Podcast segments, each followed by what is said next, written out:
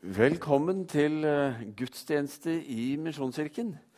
Dere er heldige som har funnet veien hit i formiddag. Kjekt at uh, dere er her, dere som har funnet veien. Og kjekt også til deg som uh, har skrudd på podkasten, sitter og lytter et eller annet sted. Velkommen og god jul til dere alle sammen. I dag så er det for meg og min familie en spesiell dag. Fordi i dag så blir min mor 70 år. Og eh, for oss så eh, er dette ikke bare en spesiell dag fordi det er bursdag, og fordi eh, mamma lever. Her ser dere henne i feiring. Sammen med meg, selvfølgelig. Men det er en sånn ny påminnelse om at det er et under faktisk at hun lever. Eh, I desember for 20 år siden, i 94, så eh, var hun nummer to i Norge og i Europa som eh, ble lagt på operasjonsbordet med den krefttypen som hun hadde. Hun var prøvekanin, rett og slett. Og altså, Det var noen som hadde selvfølgelig lært denne operasjonen og hvordan man gjorde det. og utførte da dette på henne. 16 timer lå hun på operasjonsbordet under operasjonen for en kreftart som eh, tidligere var en som man døde av fordi man kunne ikke behandle det. Eh, og operasjonen gikk bra fordi den var estimert til 20 timer. og Derfor ble 16 timer eh, et godt tegn. Men så varte det ikke lenge. Det gikk vel bare en dag eller to hvor hun lå på overvåkningen. Og så skjer det at blodtrykket faller helt. Apparatene begynner å pipe. Og sykepleieren på intensiven der, overvåkningen, hun hiver jo sengen opp en sånn beina opp og hodet ned-posisjon eh, for å få mest mulig blod til hodet. Det sto om minutter for henne, og ved en gudfeldighet, som vi kaller det, i familien vår i hvert fall, eh, så står hele operasjonsteamet hennes samlet i, på samme avdeling, bare helt ned i andre enden av gangen. Og så står de og diskuterer hennes situasjon, hvordan de skal måtte følge opp henne og, og sånn videre. Så dermed så kunne de i løpet av bare et par minutter være inne og klare til operasjon, åpne henne opp og få stanset blødningene. Du kan si at døden banket på, men den slapp ikke inn. Mamma hun har hatt flere tilsvarende operasjoner gjennom disse 20 årene. Og ved noen anledninger til har hun balansert på kanten av livet. Og vi har planlagt begravelsen hennes et par ganger. Så det sier noe om situasjonen hennes og det underet det er for oss at hun lever i dag. Så eh, Hun er ikke her nå, men gratulerer med dagen, mamma. hadde jeg bare lyst til å si. Så er det noe med det at det er alltid best å overvinne døden. Vi har i advent fokusert på at Jesus kom, at Gud ble menneske og tok bolig midt iblant oss. Og I dag skal vi, som Lars Kristian sa, se litt mer på hvorfor kom Jesus og det leder meg til eh, denne sangen som Arnold Børud skrev på 70-tallet, som han ga ut på en plate i 76.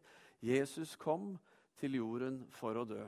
En rolig, fin, liten a cappella-sak eh, som jeg husker pappa hadde på LP, og som han spilte tilbake den gangen.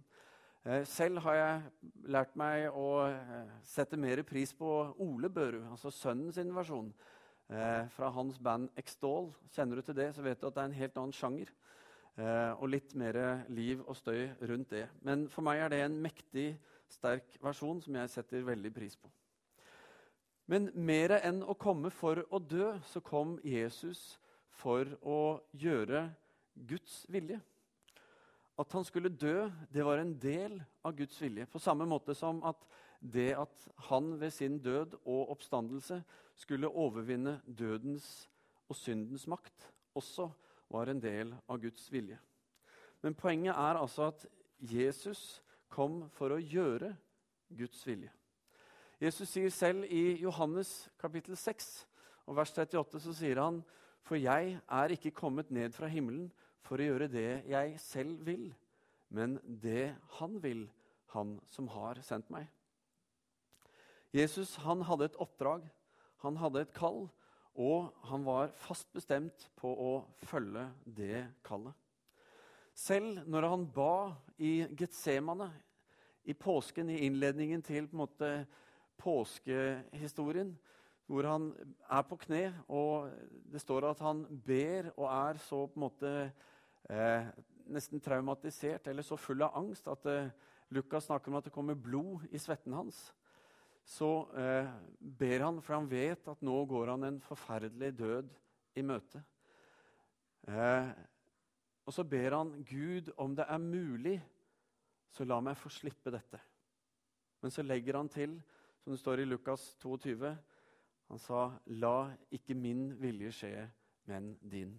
Han var fast bestemt på dette. Og Guds vilje fra starten av, det var liv. Gud skapte fullkomment liv inn i en fullkommen relasjon, hvor vi som mennesker skulle leve sammen med han. Det var det han skapte. Men for at det skulle være helt fullkomment, så eh, måtte det også være noe som var villet. Fordi det vi tvinges til, det som går mot vår vilje, det er ikke fullkomment. Det er ikke riktig. Så Derfor fikk vi også fri vilje. Og Gud ga oss alt ved skapelsen. Men så er det nå en gang sånn for oss mennesker at selv alt er ikke godt nok om det bare er en røst til stede som forteller oss at det kanskje fins noe mer. Det kanskje fins noe som er bedre. Og der har du egentlig livsgrunnlaget til reklame og media i vår tid. Men fordi vi er skapt kreative, fordi vi er skapt søkende og nysgjerrige og med en fri vilje, så skulle det ikke mer til enn én som ville påvirke vår tanke, som ville forføre tanken, som ville eh, så tvil om det vi visste var sant, og som dypest sett var ute for å ødelegge det Gud hadde skapt. Og fordi Adam og Eva valgte å gå mot Guds vilje og valgte å spise av frukten fra kunnskapens tre, så kom synden og ble en del av vår verden. Og da leser vi i 1. Mosebok 3, vers 22, at Gud sa bare det nå ikke strekker hånden ut og tar av livets tre også, så det spiser og lever evig. To trær nevnes spesielt i skapelsesberetningen, og det er livets tre og kunnskapens tre. Å spise av livets tre, det ga evig liv. Å spise av kunnskapens tre det ga kunnskap om godt og ondt. Og Adam og Eva de hadde spist av kunnskapens tre. Og Gud så det at hvis de nå går og spiser også av livets tre, så vil ikke bare de leve evig, men ondskapen vil også bli evig. Derfor var det viktig for Gud å få Adam og Eva ut av Edens hage, så ikke det onde skulle bli evig. Vet du forresten eh, hvordan Adam og Eva egentlig opplevde det å måtte forlate Edens hage? Skal jeg si deg, De ble helt satt ut. Det var en liten vits. Bare sånn, Hvis dere ikke tok den. Ja. Men det som skjer er at mennesket var nå i en posisjon hvor de ikke kunne gjøre om det som var blitt gjort. Synd og død var et faktum. Det var blitt en del av menneskets natur. Paulus han sier i Romerbrevet 5 at synden kom inn i verden pga. ett menneske, og med synden kom døden. Og slik rammet døden alle mennesker fordi alle syndet. Adam, som var skapt uten synd, han ble nå en synder. Ute av stand til å bli selv uten synd. Det eneste mennesket som kunne gjøre noe med dette, det var et menneske som levde uten synd. Derfor ble Gud menneske. Derfor kom Jesus. Paulus sier videre i vers 17 i Romerne 5 så sier han døden fikk herredømme pga. ett menneskes fall. Hvor mye mer skal da ikke dem, de som tar imot Guds store rettferdighet, Guds store nåde og rettferdighetens gave, hvor mye mer skal ikke de eie livet og få herredømme ved den ene, nemlig Jesus Kristus? Så hvorfor kom Jesus? Jesus kom for å bli det vi er, slik at vi kunne bli det han er. En dyp og spennende setning som Duncan Smith eh, skriver om i sin bok eh, 'Overwhelmed by Love', som er ganske ny. Paulus skriver om eh, Jesus i Filipperne 2. Han sier at var i, Jesus var i Guds skikkelse, og han så det ikke som et rov å være Gud lik.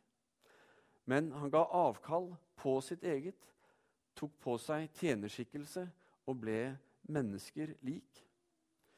For at Jesus skulle bli alt det vi er, så måtte han måtte leve gjennom alt det som vi lever. Han måtte bli akkurat som oss. Derfor ble Jesus født av et menneske, som vi har snakket om og fokusert på nå i julen. ikke sant? Han ble født av Maria. Og Maria hun ble gravid ved Den hellige ånd. Og For mange mennesker i dag så er dette på en måte nesten kongemyten. Myten over alle myter. Det at Gud Eh, altså Gudelighet og menneskelighet kommer sammen og skaper noe. Et slags supermenneske. En Hercules. ikke sant? En som bare er sånn overmenneskelig. Men som Paulus sa, som 100% Gud valgte Jesus å gi avkall på sin makt, på sin kraft og herlighet.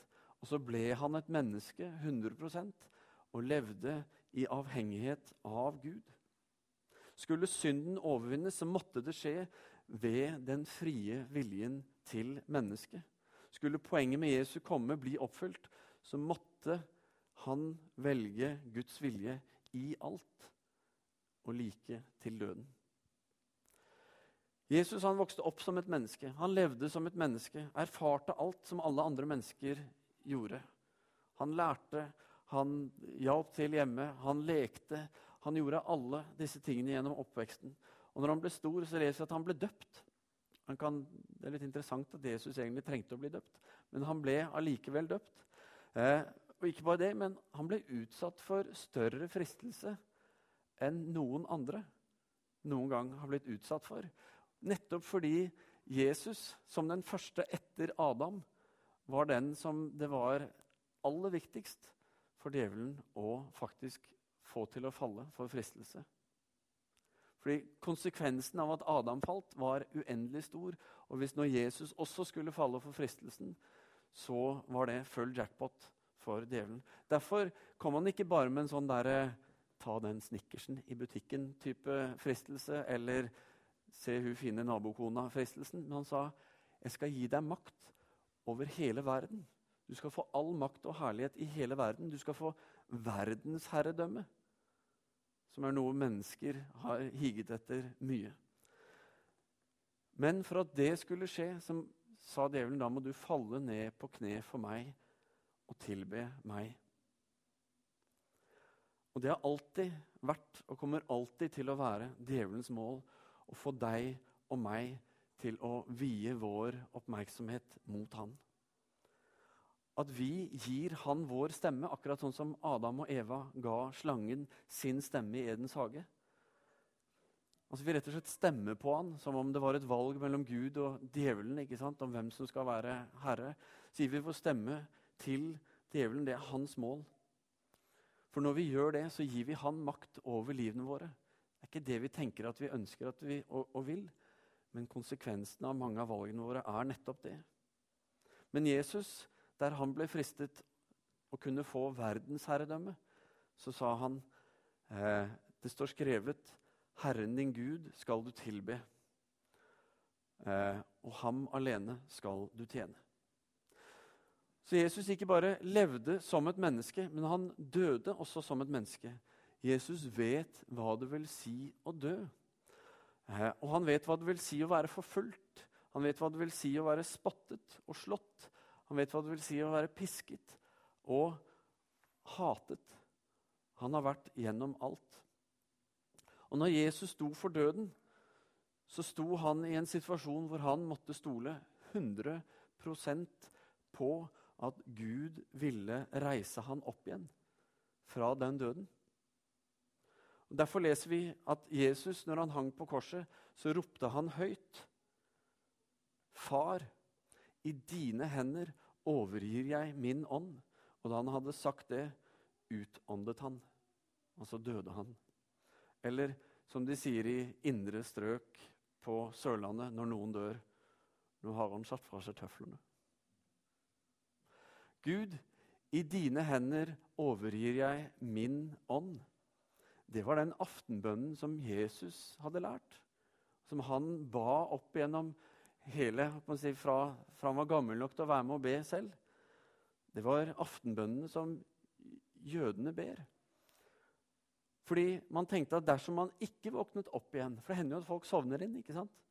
Dersom man ikke våknet opp igjen, så hadde man ved den bønnen overgitt sin ånd, sitt liv, til Gud. I den troen på at eh, dersom jeg nå ikke våkner opp av meg selv, så er du der og vil vekke meg opp til nytt liv hos deg. Og den bønnen er det Jesus ber. Jesus døde på et løfte om å bli reist opp igjen. Og Det høres bra ut, men vi vet at et løfte det er noe vi må velge å stole på. Det er noe vi må velge å tro på. Og selv om Bibelen er full av løfter til oss, så er det sånn, i hvert fall med meg, og kanskje også med deg, at vi, er ikke alltid jeg våger, eller vi våger, å satse på de løftene. Vi tror gjerne på de, men ofte tror vi ikke nok til at vi vil velge å gå helt på de løftene og si Gud, dette har du sagt. Dette vil jeg satse alt på.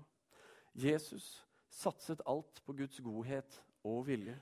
Og fordi Gud reiste han opp fra de døde, så har Jesus overvunnet nettopp syndens og dødens makt. Paulus han forteller oss i 2. Korinterbrev at Jesus ble gjort til synd. Det står han som ikke visste av synd, har han gjort til synd for oss, for at vi i ham skulle få Guds rettferdighet. Og Synd det handler ikke bare om det onde og den, all den smerten som det onde påfører oss i livet, men det handler også om all sykdom og all den smerten som sykdommen påfører oss i livet. Og all ondskap, alt det onde og alle konsekvenser, all sykdom og alle konsekvenser, det ble lagt på Jesus. Jesaja han profeterte over 700 år før Jesus døde på korset. Så sa han sannelig, våre sykdommer tok han, våre smerter bar han. Vi tenkte han er rammet av Gud og plaget. Men han ble såret for våre lovbrudd, knust for våre synder. Straffen lå på han. Vi fikk fred. Ved hans sår ble vi helbredet. Og i vers 10 i samme kapittel hos Jesaja så står det For det var Herrens vilje å knuse han med sykdom. For det var dette som måtte til for at syndens og dødens makt skulle bli brutt, og at vi på ny kunne leve i den relasjonen som vi var skapt til, og leve i sammen med Gud, hvor vi kunne få erfare Hans nåde, Hans liv, Hans rike. Og det får vi ved vår tro på Jesus. At vi tror og velger å satse på at hans død og oppstandelse har og er og kommer alltid til å være et stort skille. En, altså det som forandrer historien, og som også kan forandre mitt og ditt liv. Når vi velger å tro på Han, så gir vi vår stemme tilbake til Gud. Og Derfor er ikke troen bare en tanke eller en idé, noe som er fint å ta med seg. Men troen er et liv i etterfølgelse. Et liv slik som eh, er etter Guds vilje. Jesus han ble alt det vi er, for at vi skulle bli alt det han er. Jesus levde som et menneske 100 og ved Guds ledelse og ved Guds kraft i han kunne han leve et liv til Guds ære. Et liv hvor Guds rike ble synliggjort og ble levendegjort, og som vi kjenner fra alle evangeliefortellingene. Ikke sant? Og når vi gir vår stemme til Gud ved vårt valg om å følge Jesus og gjøre hans vilje, så kan vi også leve sånn som Jesus levde. Derfor kom Jesus. Jesus sier det selv, bl.a. i Johannes 14. Så sier han, 'Sannelig, sannelig, jeg sier dere:" Den som tror på meg, skal også gjøre de gjerninger jeg gjør. Ja, enda større gjerninger, for jeg går til far. Og det dere ber om i mitt navn, vil jeg gjøre, så Faderen skal bli æret gjennom Sønnen. Dersom dere ber om noe i mitt navn, vil jeg gjøre det. Også her har vi løfter.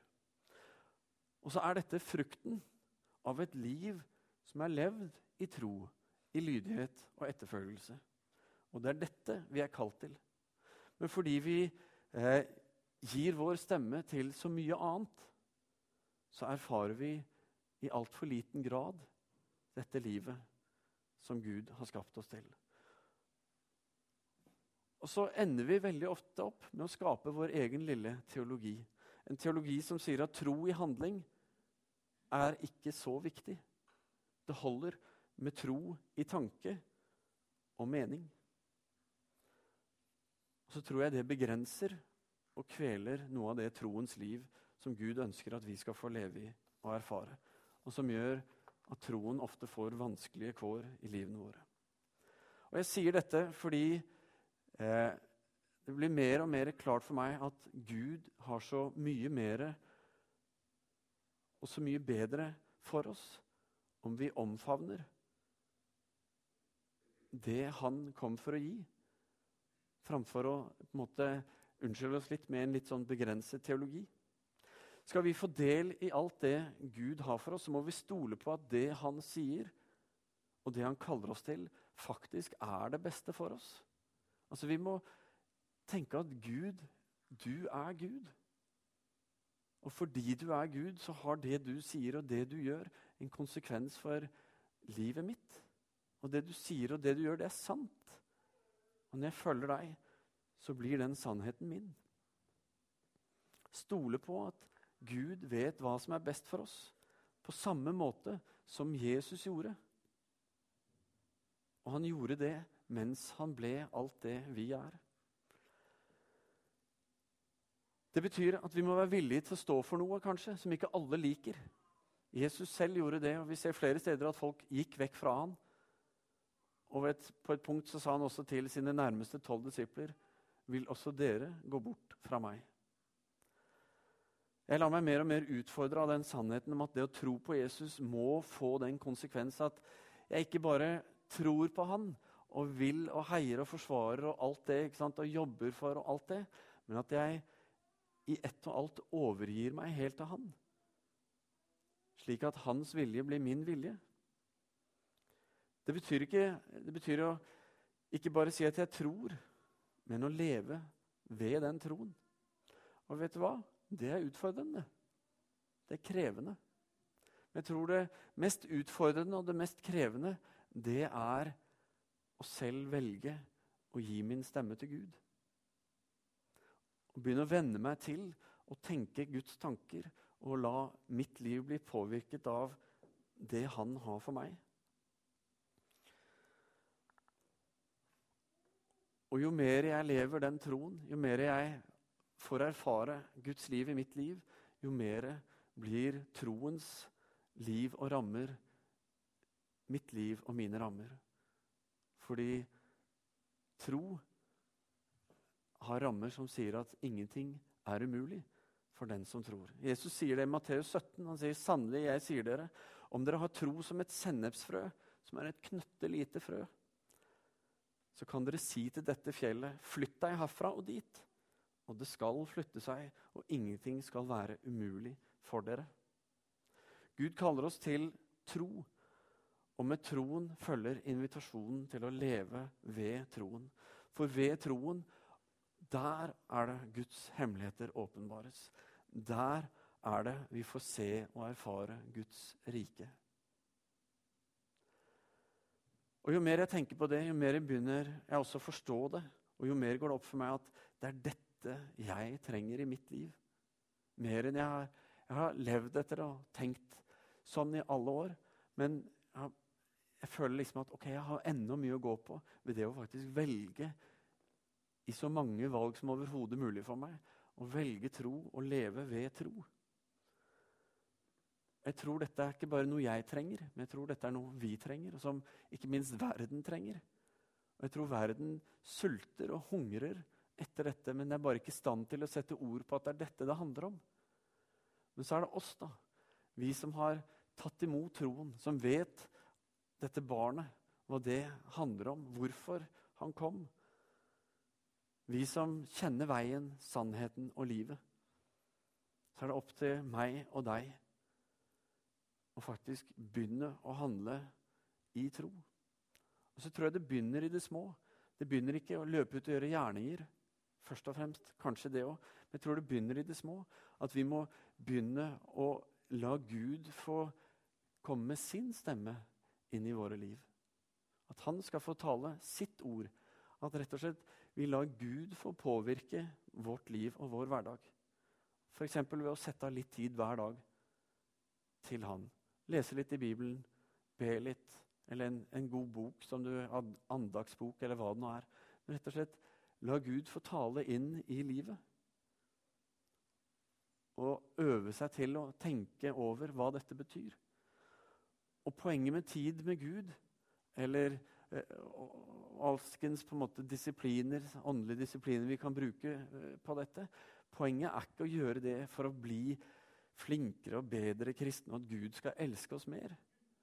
Men det er for at du og jeg skal forstå at Jesus kom pga. en uendelig stor kjærlighet til deg og meg. Og når vi setter av litt tid, og kanskje litt mer tid etter hvert, som vi begynner å få haset på det, så vil den kjærligheten få påvirke våre liv og forandre våre liv. Og også hjelpe oss til å leve et liv etter Guds vilje. Og det livet, den kjærligheten som Gud har for oss, de hemmelighetene som er der, er det Paulus snakker om i Feserne 4 når han sier at det er uendelig mye mer enn det vi ber om og forstår. Fordi vi går i fellene av at vi tror at vi har forstått, og så gjør vi det sånn som vi pleier. Men det er uendelig mye mer. Så da hvorfor kom Jesus? Det er mange gode svar på det. Men Jesus i Johannes 10 så sier han, 'Jeg er kommet for at dere skal ha liv og overflod'. Og inni det så ligger alt dette vi har snakket om i dag, og mer til. Invitasjonen er gitt, og ikke minst utfordringen er gitt. Alt er klart og tilrettelagt. På en måte så står vi ved et klar, ferdig, gå. Skal vi be. Herre himmelske Far, takk Herre for at du sendte Jesus hit til jorden. At du, Gud, ble menneske og tok bolig midt iblant oss. At du viste oss hvem du er, og at du gjennom ditt liv, din etterfølgelse, din lydighet til din himmelske Fars vilje, så kunne du faktisk gå i døden, bli reist opp igjen og med det overvinne dødens og syndens makt. Og så sier du at ved vår tro og etterfølgelse til deg, så skal vi få lov til å leve i den kraften, i oppstandelseskraften. I den sannheten og virkeligheten hvor det du har skapt oss til, det som er sant fra skapelsen av, det får vi del i. Om ikke alt med en gang, så får vi se mer og mer av det jo mer vi søker deg. Så får vi lov til å leve det livet som du levde, Jesus. Få lov til å bety det du betød for så mange mennesker. Herre, hjelp oss å se vår, vårt eget liv. Hjelp oss å se menighetens liv. Hjelp oss å se eh, livet i nabolaget vårt, på arbeidsplassene eller studieplassene eller eh, på torget i byen eller hvor nå enn vi er her. Hjelp oss å se alle disse stedene, alle disse menneskene med dine øyne, Herre. Og se at eh, vi er kalt til å få lov til, gjennom våre liv og vår etterfølgelse, å få synliggjøre og leve slik Jesus levde. Og få lov til å være med og forandre menneskers liv. Så kaller du oss, Herre, til å elske mennesker til himmelen. Ett menneske av gangen, ett liv av gangen. Så Herre, fyll oss med en uh, ny vilje og bevissthet. Et valg, Herre. En bestemthet på at, Herre, jeg ønsker å leve nærmere deg. Jeg ønsker at uh, ditt kall, din vilje, skal få lov til å prege mitt liv, sånn at jeg lever det kallet. Og at uh, din vilje skal skje, akkurat som du lærte oss å be Jesus. La ditt rike komme, og la din vilje skje på jorden som i himmelen. Herre, dette kom du for å gi oss. Så hjelp oss, Herre, så vi ikke tar til takke med noe halvveis, med noe begrenset. Med noe som eh, er sånn at vi må gispe etter luft for å klare oss i det, Herre. Men takk for at du kom for å gi oss liv og overflod. Og så har du skapt oss til noe som er fullkomment. Og så skal vi få lov til å leve i din kjærlighet og nåde i kraft av din oppstandelse. Herre, åpne våre øyne, åpne mine øyne, Herre, enda mer, så jeg kan se og handle enda mer på dette fantastiske som du inviterer oss og utfordrer oss til, Herre. Herre, velsigne oss alle resten av denne julen og gi oss tid til å bruke de rolige dagene, Herre, den rolige tiden, til å nettopp sette av tid til deg. Sånn at din stemme får tale inn i våre liv, og at vi kan svare med nettopp å gi deg vår stemme. Vi ber i Jesu navn. Amen.